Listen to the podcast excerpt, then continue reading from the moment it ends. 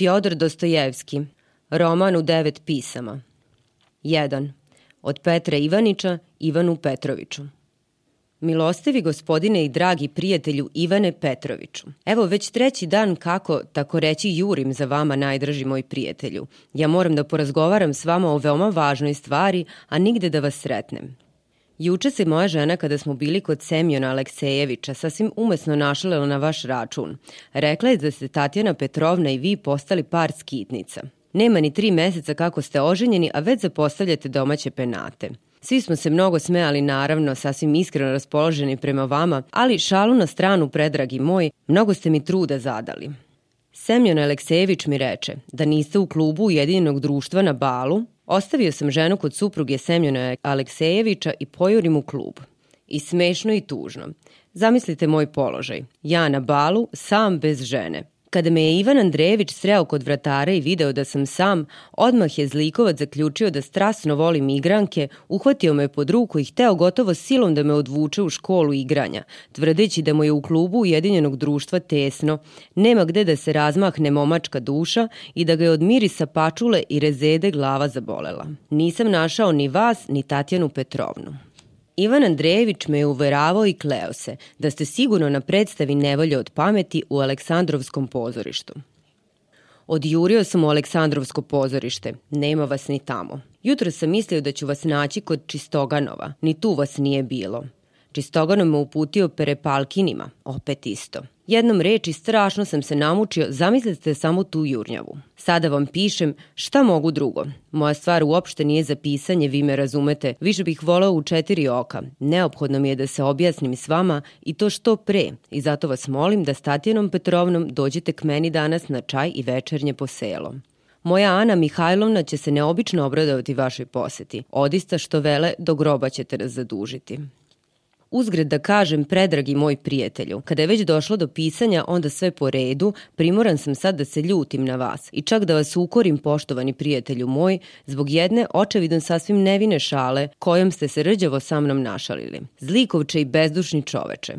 Sredinom prošloga meseca uveli ste u moju kuću jednog vašeg poznanika, upravo Evgenija Nikolajevića. Dali ste mu prijateljsku i za mene razume se svet u vašu preporuku. Ja, obradovan time, primim mladoga čoveka raširenih ruku, a istovremeno stavljam sebi omču na grlo.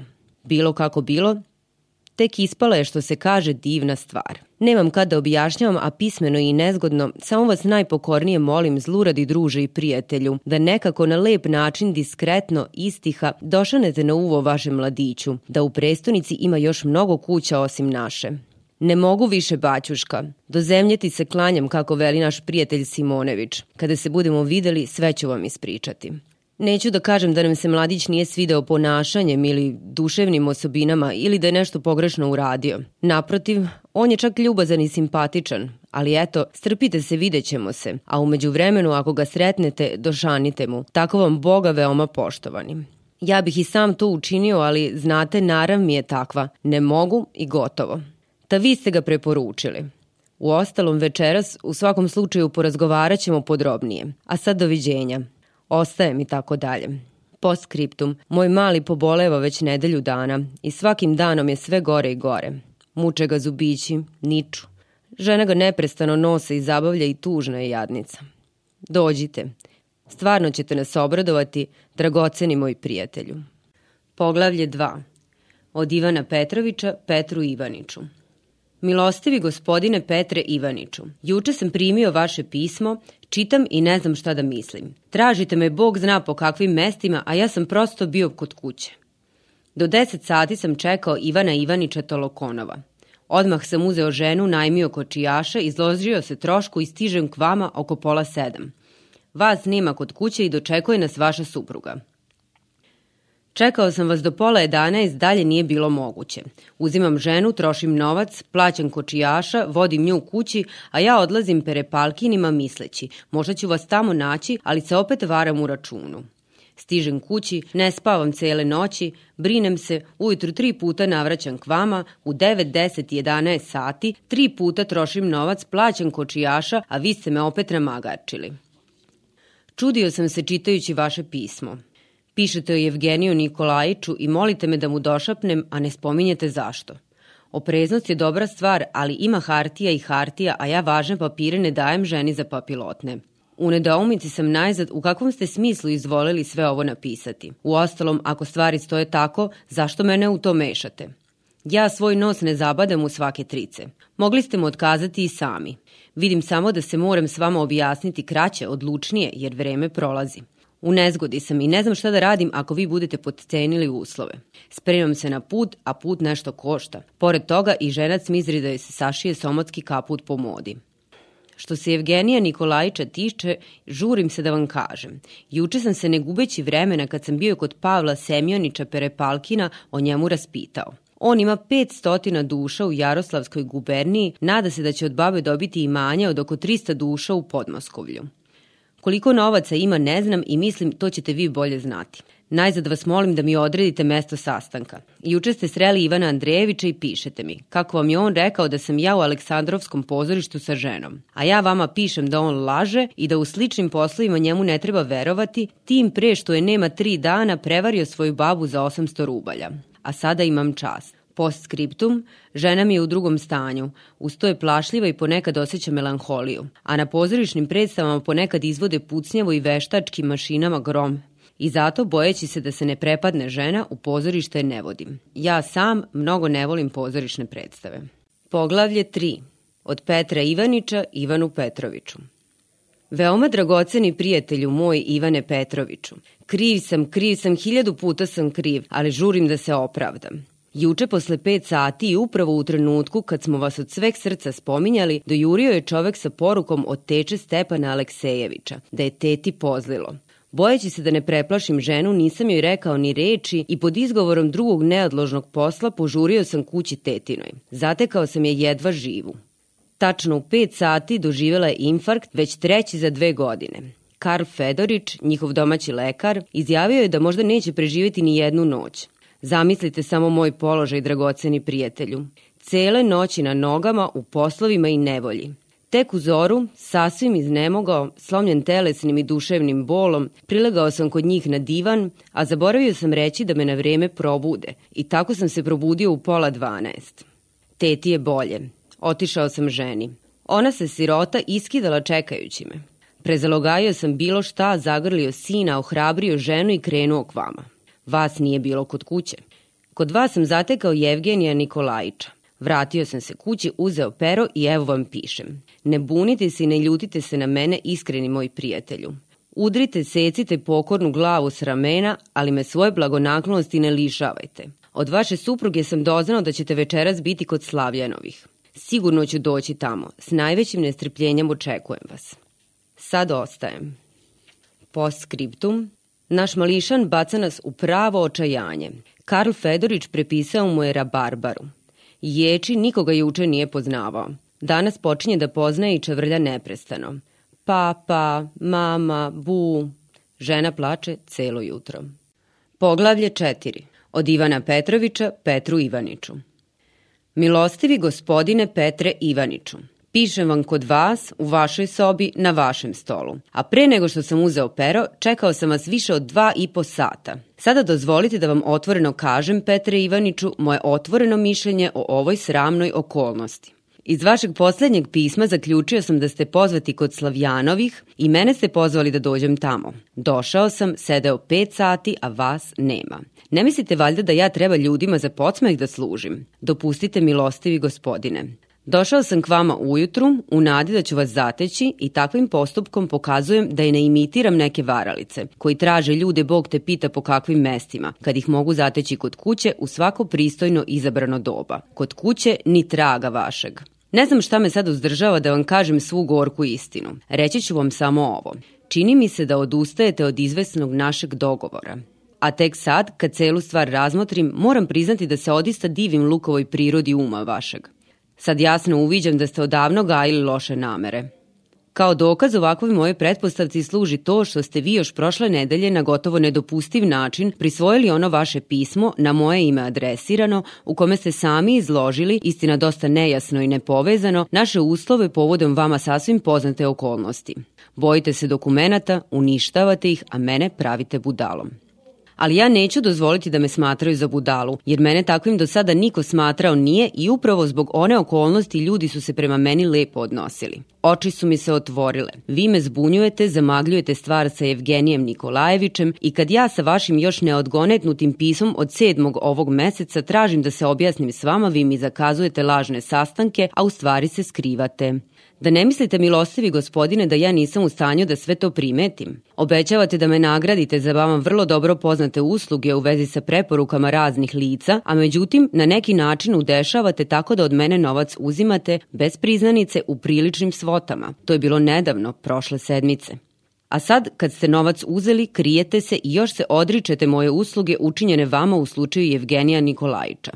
Računate možda na moj skori odlazak u Simbirsk i mislite da neću stići da svedem račune s vama. A ja vam svečano izjavljujem i svedočim svojom časnom reči da ću ako bude potrebno namerno biti gotov da ostanem još puna dva meseca u Petrogradu, da ostvarim svoje, da postignem cilj i vas pronađem. I mi znamo ponekad raditi za inat.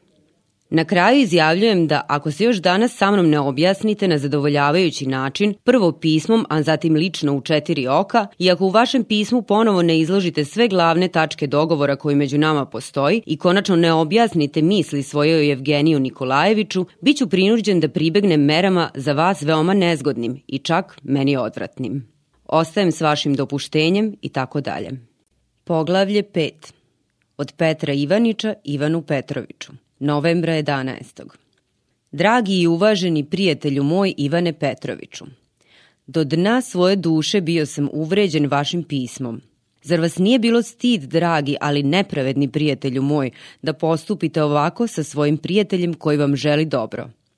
Požuriti, ne objasniti stvar do kraja i najzad uvrediti me tako uvredljivim sumnjičenjem. Ali hitam da odgovorim na vaše optužbe. Niste me zatekli Ivane Petroviću juče, zato što sam iznenada i sasvim neočekivano dežurao pored samrtničkog odra.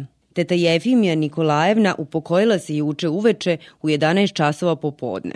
Svi rođaci jednoglasno su me izabrali da lukovodim celom plačevnom i tužnom svečanošću. Poslova je bilo toliko da ni jutros nisam stigao da se vidim sa vama, čak ni da se javim sa dva, tri redka. Svom dušom žalim zbog nesporazuma koji se desio među nama – Moje reči o Jevgeniju Nikolajeviću koje sam u šali i uzgred kazao, vi ste sasvim suprotno razumeli i celoj stvari dali smisao koji me duboko vređa. Spominjete novac i pokazujete nespokojstvo zbog njega.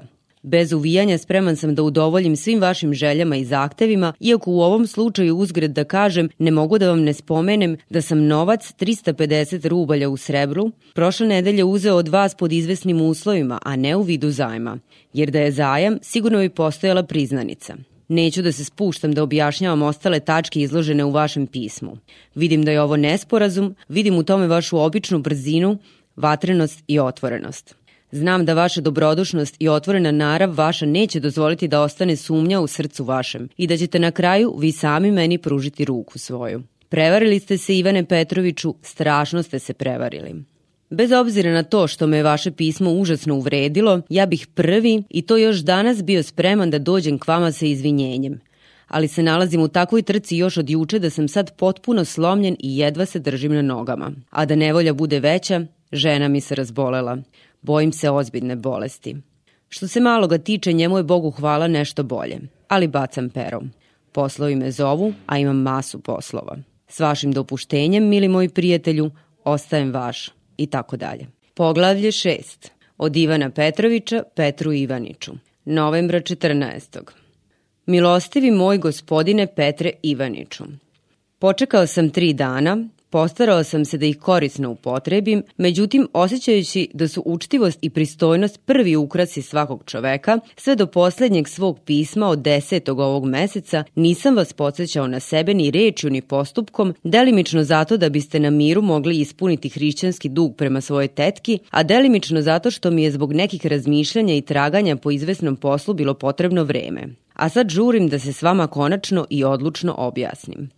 Otvoreno priznajem da sam pri čitanju prva dva vaša pisma ozbiljno mislio da vi ne razumete šta ja hoću.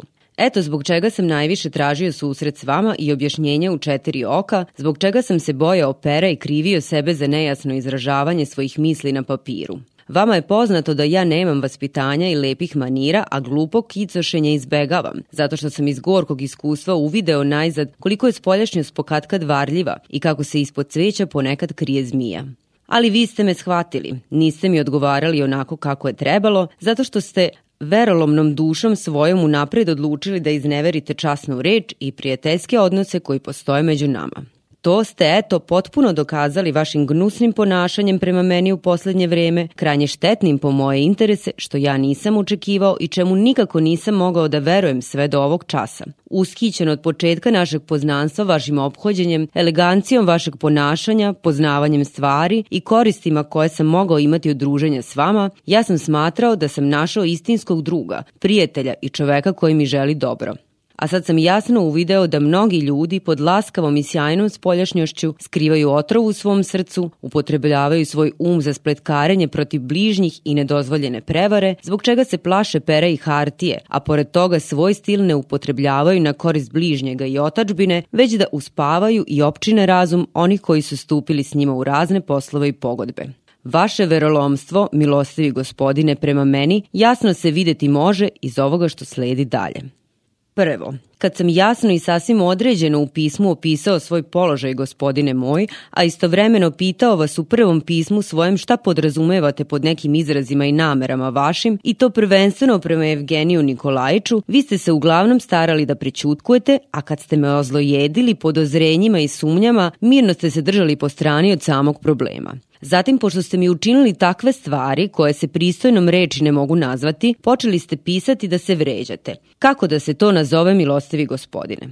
Kasnije, kada je za mene svaka minuta bila skupa i kada ste me primorali da jurim za vama širom cele prestonice, još ste mi pod maskom prijateljstva pisali pismo u kojima ste hotimično izbegavajući glavno govorili o potpuno sporednim stvarima, na primjer bolesti vaše u svakom slučaju za mene uvažene supruge, o tome kako su vašem malom rabarbaru dali i da mu je od toga nikao zub. O svemu tome ste pisali u svakom pismu sa gnusnom i za mene uvredljivom sistematičnošću. Naravno, ja sam gotov da se složim s tim da padnje rođenog detenceta kidaju roditeljsku dušu, ali zašto spominjati to kad je potrebno bilo nešto sasvim drugo, nužnije i zanimljivije? Ja sam ćutao i trpeo, ali sada kada je vreme prošlo, smatram za svoju dužnost da objasnim. Najzad nekoliko puta ste me verolomno prevarili lažnim zakazivanjem sastanaka, natarali ste me očevidno da igram ulogu vaše budale i zabavljača, što nikad ne nameravam da budem. Zatim ste me pozvali u dom svoj i pošto ste me prethodno kako treba prevarili, javljate mi da su vas pozvali nesrećnoj tetki vašoj, koja je doživela infarkt tačno u 5 sati, izražavajući se i tu sa sramnom tačnošću. Na moju sreću, milostivi gospodine, ja sam za ova tri dana stigao da proverim i doznao sam da je vašu tetku zadesio infarkt još sedmog uveče, nekako pred ponoć. Po tom slučaju vidim da ste svetinju rodbinskih odnosa upotrebili radi obmane potpuno stranih ljudi – Najzad, u svom poslednjem pismu pominjete i smrt rođake svoje, koja se tobože desila upravo u ono vreme kada je trebalo ja da dođem k vama na savetovanje u izvesnim stvarima. Ovde sada gnusoba vaših računa i izmišljotina prevazilazi svaku verovatnoću, jer prema sasvim pouzdanoj proveri koje sam veoma srećnim po mene slučajem uspeo da pribegnem i umesno i na vreme doznao sam da je vaša tetka umrla ravno 24 časa posle roka koji ste vi u svome pismu bezbožno naveli kao vreme njene smrti. Neću nikada završiti ako počnem nabrajati sve znake po kojima sam uvideo vaše verolomstvo prema meni.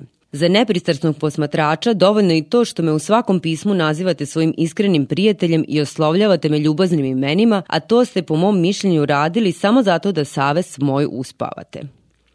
Sad počinjem o glavnoj vašoj prevari i verolomstvu prema meni, koje se sastoji u neprekidnom prećutkivanju u poslednje vreme o svemu onom što se našeg zajedničkog interesa tiče, o bezbožnoj otmici pisma u kome ste, mada uvijeno i meni ne sasma razumljivo, objasnili našu obostranu pogodbu i sporazum, o varvarskom nasilnom zajmu od 350 rubalja u srebru, bez priznanice uzetom od mene kao vašeg kompanjona i na posledku o gnusnoj kleveti na našeg zajedničkog poznanika Evgenija Nikolajića.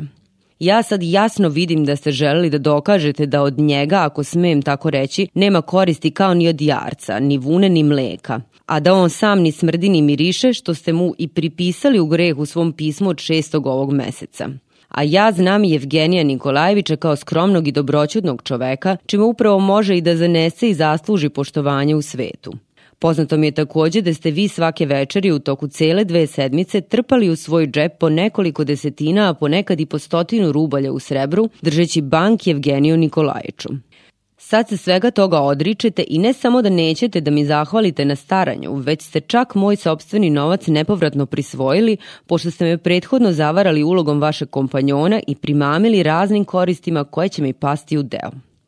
A sad, kad ste na nezakonit način prisvojili moj i Evgenija Nikolajića novac, izbegavate da mi zahvalite, služeći se pri tome i klevetom kojim ste nepravedno u mojim očima ocrnili čoveka koga sam ja svojim staranjem i naporima uveo u vaš dom.